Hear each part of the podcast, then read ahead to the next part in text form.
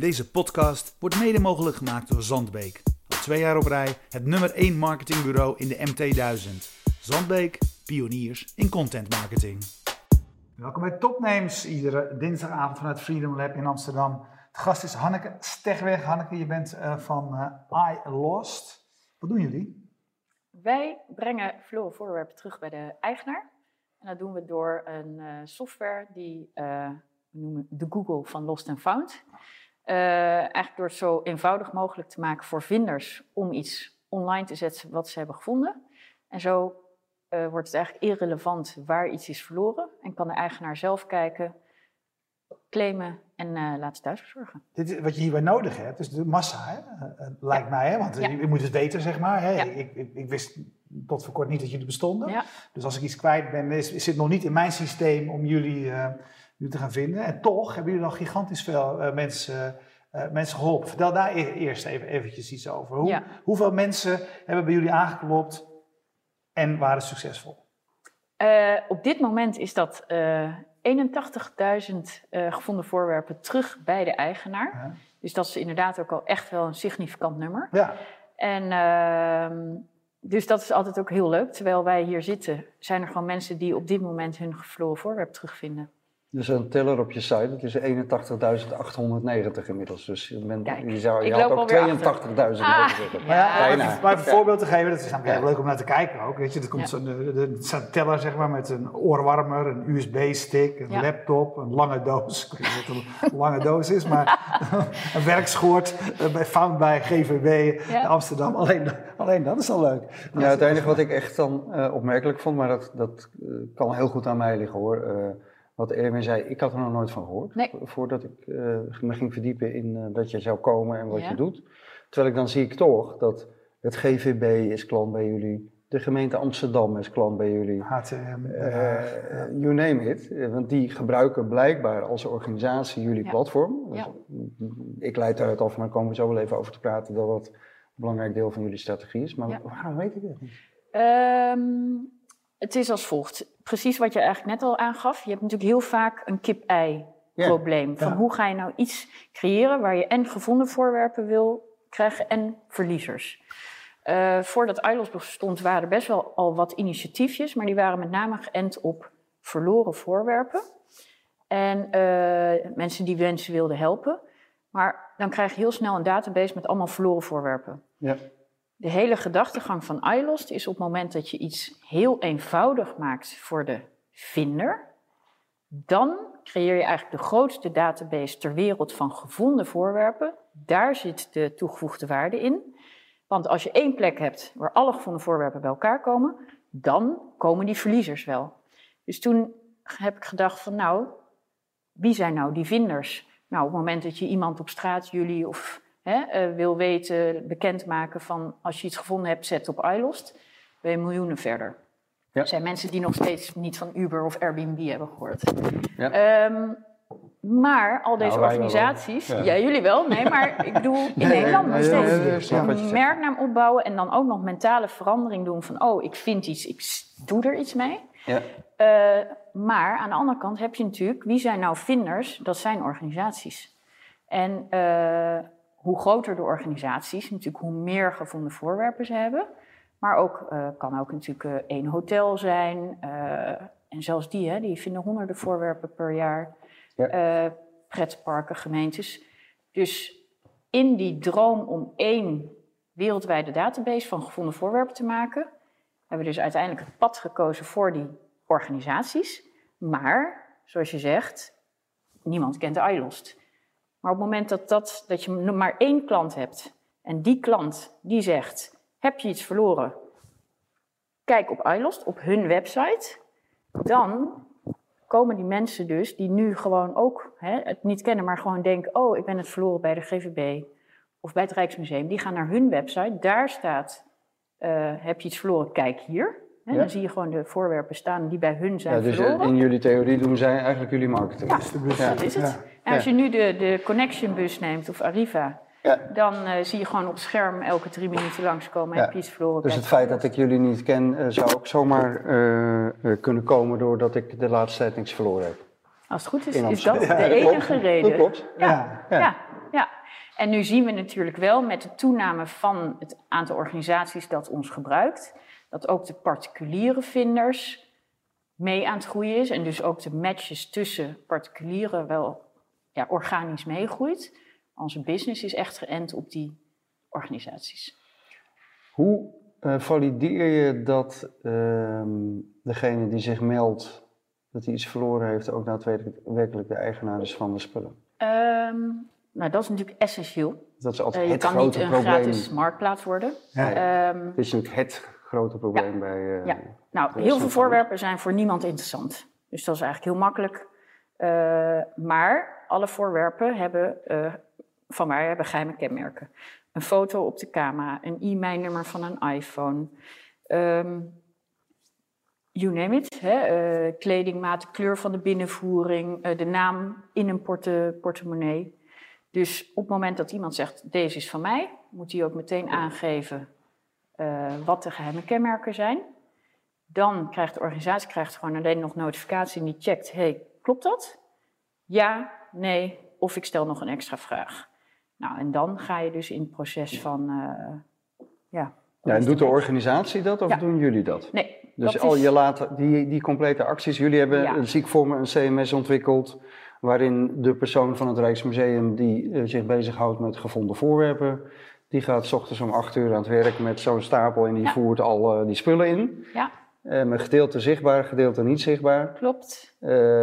dan meldt zich iemand en kun je matchen of niet. Ja. en dan is dus inderdaad de hele communicatie gaat eigenlijk gewoon allemaal geautomatiseerd. Dus zij hoeven alleen nog maar ja of nee te klikken. Ze zien wat collega's uh, gisteren en uh, morgen hebben gedaan, wie heeft geregistreerd, alles is volgbaar. Op het moment dat iemand kiest voor laten bezorgen, krijgen ze automatisch het verzendlabel in dat in die omgeving. En voor die dat regelen jullie wel, het bezorgen? allemaal, ja. Dat doen jullie allemaal? Ja, nou ja, wij, nee, de courier. Tuurlijk, maar, maar, maar dat, dat matchen jullie met, daar, daar ontzorg je ook ja. uh, het Rijksmuseum, ja, zeg maar, juist, om bij dat voorbeeld te blijven. Dat is eigenlijk de reden waarom al die grote en kleinere partijen voor ILOS kiezen. Is gevonden voorwerpen, moet je je voorstellen, is uh, nooit core business. Het is altijd gedoe. Het is gedoe. Ja. En, uh, maar het is wel, de impact voor je klant is gigantisch. Ja, Want, zijn vaak hele persoonlijke... Uh, heel persoonlijk. Het is je laatste contactmoment. Iemand komt thuis en denkt, oh nee. En vervolgens verwacht hij. Ik ben vier uur bezig om te zoeken, te bellen, formulieren. En ineens, hé, hey, het staat online. En ik kan het ook nog terugbezorgen. Dus je, je krijgt een soort van wow-effect. Wat dus daadwerkelijk wel hele positieve impact op zo'n organisatie heeft. Waar zit jullie uh, verdienmodel? Dus uh, wat, hoe werkt het met je tarifering? Um, organisaties die betalen ons op basis van het aantal gevonden voorwerpen wat zij online zetten. Ja. Um, maar wat is de reden dat ze daarvoor willen betalen, bereidheid hebben, is in feite heel veel van die taken vallen nu weg. Je moet je voorstellen dat voorheen belden mensen van hé, hey, heb je mijn zwarte portemonnee gevonden? Nou, ze hebben misschien wel 60 zwarte portemonnees of mijn fietssleutel. Dus dan gaat een medewerker, wordt onderbroken in zijn taak, moet in, dat, in die bak gaan zoeken. Nee, we hebben hem niet. Iemand belt morgen terug, is de schoonmaker al geweest. Dus je ziet dat die telefonische inlichtingen, die vallen, ja, die vallen gigantisch naar beneden. En dat is bijvoorbeeld voor vervoerders, is dat de top, staat altijd in de top drie van de reden voor, ja, om het callcenter te bellen. Ja. Dus, uh, dus daar zit echt een toegevoegde waarde, even los dus van die klantbeleving. Een van de grootste verzamelaars van gevonden voorwerpen is de Nederlandse spoorwegen. Ja. Weten we allemaal. Die zijn geen klant meer. Nog niet. Waarom niet? Ze gaan eraan. Ja? Tuurlijk. Nee, maar ja. ik zag wel Arriva, Connection. GVB. Ja. Uh, dus jullie doen het heel goed. Airport. Je doet het goed in het openbaar vervoer. Ja, wat we hebben geleerd, hè, zoals je natuurlijk als start-up moet je vooral heel veel leren, leren, leren. Um, en ILOS heel erg laagjes bouwen. Hè, toen ik op één dag dacht ik, oh, ik ga dit doen. Ik ging naar de NS. Die zei, nou, hartstikke leuk. Maar dat gaan we nu niet doen. Is zo belangrijk, zoveel nee, je ging voor ook eerst naar de NS, Tuurlijk, ja. Ja, ja. uh, ja. Maar um, achteraf is dat ook heel goed geweest. Hè? Dat je niet te snel je vergalopeert aan een veel te grote klant. Ja. Zij hebben die ervaring al lang. Hè? Wij dachten natuurlijk, zoals iedereen, ja, maar wij hebben het het wiel uit. Ja. Um, Maar uiteindelijk hebben we natuurlijk de eerste regionaal vervoerder, stadsvervoerder, al die ervaring opgebouwd. Inmiddels heeft dus inderdaad een reiziger, heeft, waar, hoe die ook reist in Nederland, iedereen behalve de NS, uh, hè, kan je het terugvinden op iLost. Dus je hoeft niet meer na te denken, zat ik nou in de GVB of in de... Maar um, uh, ja, dit zijn natuurlijk gewoon trajecten die, nou ja, die duren gewoon lang. Dat zie je met ja, hoe lang, gemeentes, zijn jullie vervoerders. Uh, 2013 ben ik het Starter Bootcamp programma ingegaan. Ja. En uh, ja, dus we hebben inderdaad nu ruim vijf jaar, bijna zes jaar inmiddels. Ja. Ja, ja dus het gaat ook wel weer hard. Startup Bootcamp, ja. Ja. we hebben natuurlijk hier ook aan tafel gehad en we, we Oh, ja. hebben best veel start-ups uit accelerators gezien. Wat hebben jullie daar gehad? Heel, heel specifiek aan die Mhm. accelerator. Je ging daar met een idee in? Ja, ik ging met een idee in. Uh, ja, ik heb er heel veel aan gehad. Ik had nooit op deze manier gedacht. Ik dacht wel, ik ga de wereld veroveren. Dit, dat dat, had ik al. Was, ja, ik had een, een businessplan met world dominant. Maar hoe dan? is wel even een ander verhaal. Als je voor het eerst gaat ondernemen, dan uh, het hele verhaal van uh, financiering ophalen.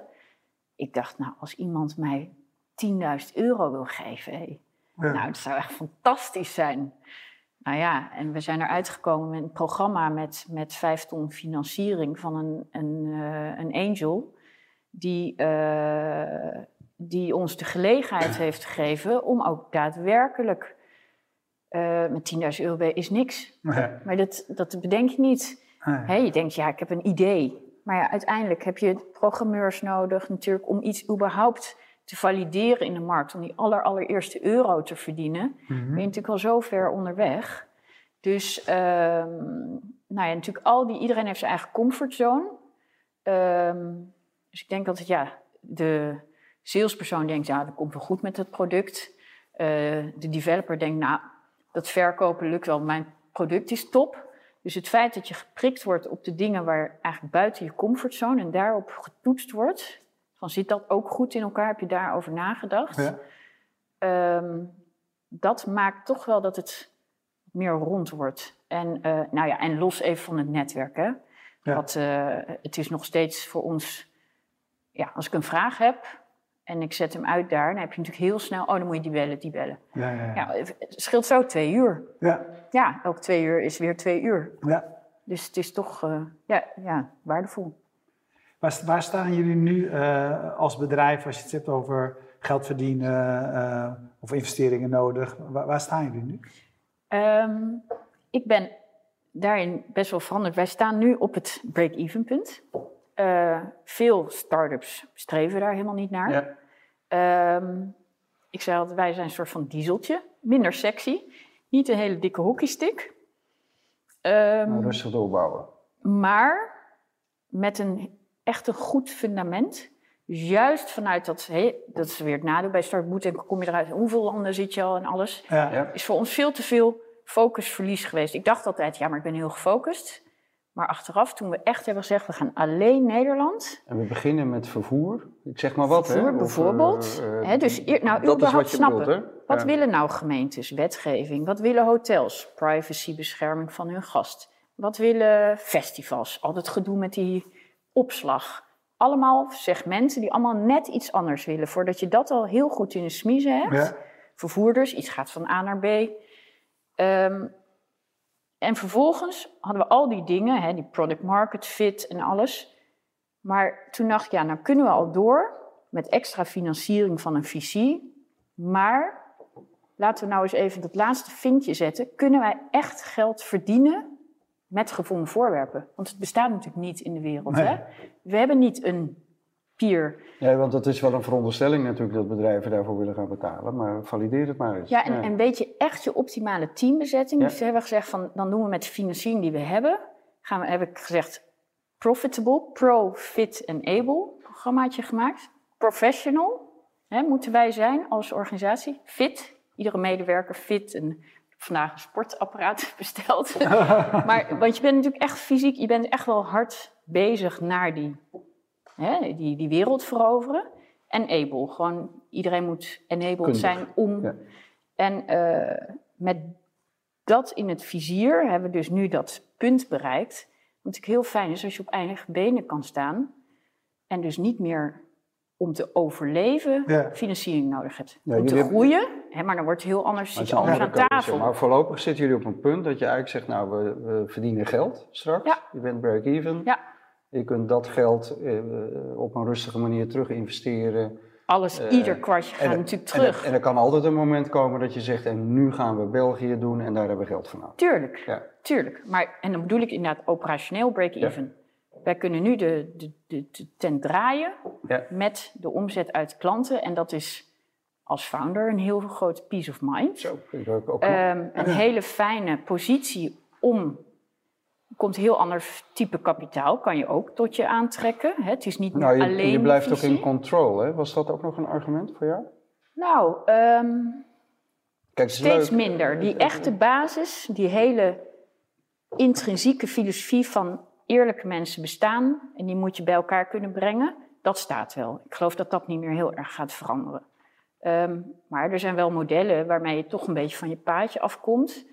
Um, nou, maar in control bedoel ik dat naarmate je natuurlijk meer investeringen ophaalt en, meer van je, een groter percentage van je zeggenschap kwijtraakt, ja, verandert je bedrijf natuurlijk ook. Er komen andere druk op te staan. Andere krachten andere gaan spelen. Mensen die willen op een gegeven moment een exit en willen snel een exit. Of, uh, Was dat ook een argument om uh, te zoeken naar uh, financiële onafhankelijkheid? Goeie vraag. Um, het was niet de belangrijkste drijfveer, want ik geloof dat als je een goede visie of investeerder aan je hebt verbonden, kan je ook juist heel veel doen. Samen die krachten bundelen. Dus ik geloof niet, ja, je moet dat wel heel goed selectief in zijn. Je moet dus juist niet alleen puur afhankelijk zijn van dat geld nodig hebben, waardoor je niet meer goed kan selecteren wie er dan echt bij jou past. Het is gewoon toch lange termijn en er gaat frictie komen. Dus je moet wel de goede hebben die als ook in slechte tijden met jou heel erg achter die visie staat. Ehm, maar het feit dat we hier zijn, het, het, ja, tuurlijk. Ik heb het nog steeds nu voor het zeggen. Ja, is ook heel fijn. Hm. En soms ook heel lastig. Nou, want je bent ook alleen. nog een, een crowdfunding campagne gedaan, hè? Ja. Uh, was dat na Startup Bootcamp? Ja. Tussendoor ergens? Ja, ja 2015 is dat geweest. Oké, One Planet Crowd. 100.000 euro was het doel. Doel. 240.000 geworden. Dus dat was natuurlijk fantastisch ook. Ja, en dat is natuurlijk ook super. Je hebt dus gewoon een, uh, een crowd die ook weer allemaal netwerk heeft en uh, die ook weer in jou gelooft om dat ja, platform natuurlijk uh, verder te brengen. En ja, dat was ook wel een hele goede, zinnige manier van financiering zoeken, want het heeft ook heel veel weer voor naamsbekendheid gezorgd. je eh, zei van, hè, ons, op een gegeven moment hebben we gekozen de focus, laten we hem eerst eens in Nederland uh, goed doen. Ja. Um, Johan Schaap op, uh, op Twitter zegt, lijkt me best goed internationaal te schalen, of niet. Hoe, hoe, kijk jij daar te tegenaan? Want als wij vaak hier over internationalisering hebben, komen we ook vrij snel weer cultuur tegen, cultuurverschillen tegen. Ja. Dat ook al is je dienst misschien uh, eenvoudig, maar er gaan andere dingen spelen. Hoe kijk jij naar de internationalisering van jullie product? Um, nou, eigenlijk met dezelfde filosofie. Um, doe het stapje voor stapje. Dus vergalopeer je niet. Hè. Ga eerst ook daar weer echt niet de illusie hebben, precies wat je zegt, dat je het hier al kan, dus in Duitsland of Frankrijk ook. Uh, klein beginnen, het liefst met een betalende klant, die vervolgens uh, de eerste kinderziektes eruit haalt. Oké, volgende, volgende. Maar Frankrijk betekent nog niet dat die problemen opgelost zijn, dat je dat weer in Duitsland ook hebt. Dus eigenlijk steeds toch opnieuw valideren. Dan maar liever wat minder power power. Mhm. Maar um, alles in de smiezen hebben. En dan uh, next step. Ja, dat is, uh, dat is mijn uh, Ja, dus wat is je volgende land? Uh, nou, dat ziet er. Nou, we, we hebben nu uh, een. Eerste, een, eerste uh, NS. ja, klopt. Ja. Ook dat. Maar als we daarop wachten, dan. Sorry, NS. Um, maar um, wel nou ja, we hebben een, hotel nu in, in België, we hebben een ziekenhuis in Limburg. de, de, volgende grotere stappen gaan in Frankrijk gebeuren. Daar hebben we ook al stappen gezet. Mm dus daarvoor zijn we nu van alles aan het inrichten. We hebben iemand op, uh, op Customer Support die Franstalig is. Hè. Dat komt er natuurlijk inderdaad in die voorbereidingen allemaal bij. En um, nou, ja, hey, jullie uh, nou, die hebben, hebben, dan die 8000, uh, dat zijn niet eens de spullen die gevonden zijn, dat zijn de spullen die, uh, die teruggevonden zijn, zou je kunnen zeggen. Hè? Waar de, de, gevonden voorwerp zijn, zijn rechtmatige eigenaar weer gevonden heeft. wat leren jullie eigenlijk van al die data? Wat, wat, wat heeft jou geleerd? Wat, wat raken mensen kwijt en wanneer raken ze meer kwijt dan anders? Kan je, leer je daar nog wat van? Ja, daar leren we heel veel van. Ja, het is natuurlijk heel leuk, want je weet, wij weten van een hotel, iedere 100 kamers heb je één à twee voorwerpen per nacht. Dus, uh, of dus nacht, uh, overnachting, uh, één à twee voorwerpen. Dus je hebt al die metrics, hè? een festival, duizend bezoekers, weten wij hoeveel voorwerpen dat zijn. We leren dat met alcoholconsumptie er meer wordt verloren ja, dan zonder alcoholconsumptie. Ja, toch wel, joh. Um, en dus voor ons die festivals, dan, hè, die maandag, dinsdag zijn natuurlijk piekmomenten. Um, ja, wat leer je ervan? De topvoorwerpen zijn natuurlijk gewoon eigenlijk de meest voor de hand liggende. Alles wat mensen hebben gewoon op hun lijf. Dus dat zijn toch de portemonnees, sleutels, telefoons, een kledingstuk. Hè? Uh, allemaal niet heel spannend, maar wel heel fijn als je terugvindt. Ja. En um, wat we eigenlijk ook leren, wat toch echt wel heel leuk is, is hoe eerlijk mensen zijn. Mensen verwachten natuurlijk, ja, die iPhone die komt echt niet terug. Of die portemonnee met 250 euro. Ja, heel vaak wel dus. Ja, ik ben wel één keer heel erg teleurgesteld. Toen was ik 1500 gulden kwijtgeraakt kan je nou 1500 gulden kwijtraken? Ja, we waren met de bedwezen optreden en ik had het in mijn oh. zak gestopt. En ging nog naar de snackbar. Ja, precies. En ik dacht, nou ja, stel, ik dacht, ja, ik ga toch maar bellen met de politie. Dus ik zei tegen de politie, ja, het is misschien een gekke vraag, maar heeft er iemand 1500 gulden gevonden? Ja. Dat was in dit geval niet zo, maar ik dacht, ja, het kan wel. Nou ja, maar weet je wat het punt is? De gedachtegang van iemand die iets vindt, kan nog steeds heel verschillend zijn. En dus hoe, hoe, meer je dat dus bij elkaar krijgt, dat is precies het punt. misschien dacht iemand ook, breng bij de gemeente. Of uh, ik hang een briefje op, of ze me bellen. En dat is, we, we hebben wel eens mensen die vinden iets en die zeggen, ik heb vier jaar geleden een ring gevonden met een inscriptie. Hoera, jullie zijn er, I lost. Misschien kan ik alsnog de eigenaar vinden. Omdat ze gewoon zitten met wat, wat moet ik er nou mee? Hoe kan ik nou die persoon toch terug ja, dus, dus, dus daarom is het ook zo belangrijk dat iedereen weet dat jullie bestaan. En, dat, uh, ja. Nou ja, dat dat platform er moest komen, dat, dat, dat, die, dat is natuurlijk duidelijk. Weet je, als maar het is er dus in de wereld. Hè? Het is echt wel. Het is, ik ben elke keer verbaasd nog. Het is gewoon uniek nog, hè? Ja. Het is echt bijzonder. Hoe, hoe, wat is jullie analyse waar, waar, waar dat ook komt? Je hebt net al een beetje verteld, het is ook heel ingewikkeld omdat als je begint met de mensen die iets verloren hebben, dan dat, dat lukt niet. Ja. Want dan heb je een platform vol uh, vragen waar je nooit antwoord op krijgt. Precies. Nou, een aantal dingen. Um, ik denk dat er heel weinig mensen dachten: ik ga mijn baan opzeggen, want ik ga die sleutel op straat terugvinden bij de eigenaar en daar ga ik ook nog geld mee verdienen. Mhm. Dus überhaupt een business zien in gevonden voorwerpen. Ja, dat je het bedenkt is nog één ding, zeg maar, als je het ja. probleem hebt. Ja. Dus het is natuurlijk een... Een, uh, een, krankzinnig idee eigenlijk wat je had. Nou, de brainwave was, uh, denk ik, want dat, dat is ook wat ik concludeerde toen ik jullie uh, dingen zag, is dat jullie zijn gefocust op de zakelijke klanten. Dat was de volgende stap. daar zit je, Hoe gaan we dat dan want doen? daar zit ook je businessmodel, want die mensen betalen, structureel. Ja, dat is verreweg de grootste omzet voor Terwijl ons. het is natuurlijk ongelooflijk ingewikkeld om een model te verzinnen voor individuele gebruikers. Want moet je, hoe, hoe, ja, we aan het begin ook. Want mensen zeggen dan van, de meeste platformen vragen natuurlijk een percentage van de omzet. Ja, soms gaat het om een iets dierbaars wat niks waard is. Ja. Wat, ja. ja wat, wat moet je dan vragen? Nou, dat is, die puzzel voor, hè, wij begonnen, ik dacht als initieel dacht ik, weet je, dan doe je. Ik wist al wel, je moet gewoon gratis op het, op het platform kunnen kijken. Het kan ook, hè? Je betaalt 20 cent om te mogen zoeken in de database, ik zeg maar wat. Ja. Moet je niet willen, volgens mij. Toen dacht ik, ja, maar dan doen we gewoon een klein, doen we 3 euro per match betaal je. Nou, dan ben je toch blij. 3 euro. Ja.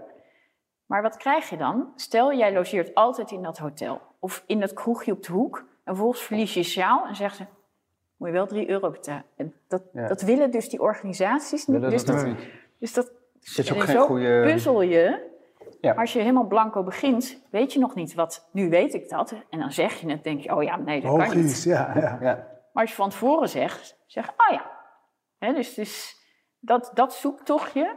Um, nou, en waarschijnlijk de, je realiseren dat er bij eh, dit soort bedrijven veel menskracht en irritatie gestoken wordt in los en vang. en onderschat de kosten niet. Voor de grote organisaties ja, hebben we wel eens uitgerekend. Ja. Eén gevonden voorwerp kost 25 euro. Ja. Waarvan er maar 6% uiteindelijk terugkomt bij de eigenaar. Ja, nou dus daarom, ik begin weer over die NS, maar ik kijk altijd gefascineerd naar die die veilingen die de NS dan organiseert. En dan geven ze ook statistieken. Ja. Dat ze dan dat jaar weer 287.000 gevonden voorwerpen. En dan geven ze altijd de meest extreme voorbeelden. Van uh, mensen die compleet, uh, weet ik wat, uh, elektrische piano's of fietsen. En daar dus ook nooit meer om Ja. of niet weten waar ze Ja, ja Schiphol is dat ook. Ja. Schiphol ook. Ja. Interessant. Ja. Interessant hoor. Ik vind het echt heel. Uh... hey, maar iets beginnen is één ding. Het succesvol maken is natuurlijk mooi. Ja. Uh, maar ben je nog, uh, waar komt je blijvende liefde voor het gevonden voorwerp vandaan? Ja. Blijft het leuk? Ja, kijk. Twee dingen. Is, ik blijf het natuurlijk fantastisch vinden dat mensen hun voorwerp. Je, moet, je hebt geen idee. Wij, hebben, wij doen dus ook de afgifte van, van de GVB-voorwerpen bijvoorbeeld. We doen het ook voor grote organisaties kunnen we het helemaal uit handen nemen. Hè, HTM. Zij leveren het echt de fysiek helemaal, bij jullie fysiek, in? Iedere dag komt de hele rotzooi aan. Oh ja? en dan heb je dus mensen en die zeggen echt... I love you. Ja. die I hebben iets you. terug. Ja. Dus nou, dat is natuurlijk sowieso echt heel erg leuk. Hmm. Ik ben zelf uh, chaotisch, maar daarnaast is het heel erg gaaf om elke keer kom je in een nieuwe fase van je bedrijf. En nu gaan we dus dat internationale paadje bewandelen. Ja. Dus je hebt iedere keer weer dat zoektochtje. Naar, dus je learning curve blijft gewoon hartstikke stijl. Het is elke keer nieuw. Dus enerzijds is het vijf jaar, zes jaar. Maar anderzijds is het nu weer, oké, hoe gaan we nu zorgen dat we in verschillende talen onze service doen? En hoe gaan we uh, verschillende tijdzones, hoe gaan we dat aanpakken? Ja, je, je, krijgt weer zoveel nieuwe impulsen. Ja. ja. je zei van, uh, van er was hiervoor kennelijk niet iemand die zo gek was om zijn baan op te zeggen en zoiets te gaan doen. Wat deed jij hiervoor? Ja, ik had een uh, logistieke carrière. En daar, dat is ook een heel belangrijk component waardoor ik op het idee kwam. Want wat doe je in de logistiek? Je centraliseert je voorraad en van daaruit ga je leveren. Dus ik dacht, zo begon ik ook. Ik dacht, één grote loods en dan komen alle gevonden voorwerpen bij elkaar. En dan hoeven mensen alleen nog maar even te informeren of het is aangekomen of, of daar ligt. Mhm. En toen begon ik met al die organisaties te praten en dacht, ja, maar we hebben wel een hok. Maar dat is het probleem niet. Nee. Ja. Het gaat over die communicatie met al die mensen die de hele tijd bellen. Dus voor ik het wist had ik ineens een tech-startup online. Terwijl ik dacht, ik heb een heel mooi logistiek. je wilde eigenlijk een loods. dus ik ben nog steeds ook heel blij met onze klanten die het volledig uitbesteden. ja. En uh, ik denk wel, een van de redenen daardoor is dat ik er nooit tegenop heb gezien om te zeggen, wij doen ook die ja, terugbezorging. Want normaal gesproken zouden dat natuurlijk, zeg maar... De, de, de Iedere webdeveloper of whatever die denkt, ja. no way dat ik in de logistiek ga. Maar dat maakt wel het plaatje rond. Ja. Ja, leuk. Mooi verhaal. En ik, als uh, laatste, ja. als het nog kan, is doordat wij het ook echt fysiek overnemen, is uh, gebruiken we ons eigen product. En dat is zo essentieel geweest voor continu ja, omdat je, Je zit zelf producten in te ik voeren hoor die, in je backend. Die, die medewerkers zeggen, joh, die login die werkt helemaal niet. Nee, is geen klant die ons belt. Ja. Tuurlijk, sommigen ook. Maar, en dan zeggen wij, oh, hop, meteen weer, hè, sport zit nu ook bij development, continu dat weer verbeteren. Alleen maar hop, rechtstreeks productie. Ja, leuk. Ja. Mooi. Ja, super. Ja. Nou ja eh, we gaan je volgen. En, we, hebben, we, hebben, eh, sowieso een hoop geleerd, maar in ieder geval weer waar we terecht moeten als, we, als ik 1500, uh, 1500 euro kwijt ben. Nee, heel veel succes. En we gaan je in de gaten houden welke landen je als eerste... Uh, en als ik iemand bij de NS uh, tegenkom die daarover gaat, dan zal ik een... Uh, Ze hoeven niet te helpen herinneren. ja, ja. Oké, okay, hartelijk super bedankt. Ja, jullie bedankt voor het kijken en we bedanken natuurlijk Bier Co, de sponsor van onze biertjes. Um, Jetstream voor de livestream, PQR voor de hosting van de website en Freedom Lab voor de gastvrijheid. We zijn er iedere dinsdagavond. Volgende week zijn we er weer. Dag. Deze podcast werd mede mogelijk gemaakt door Zandbeek. Al twee jaar op rij het nummer 1 marketingbureau in de MT1000. Zandbeek, pioniers in content marketing.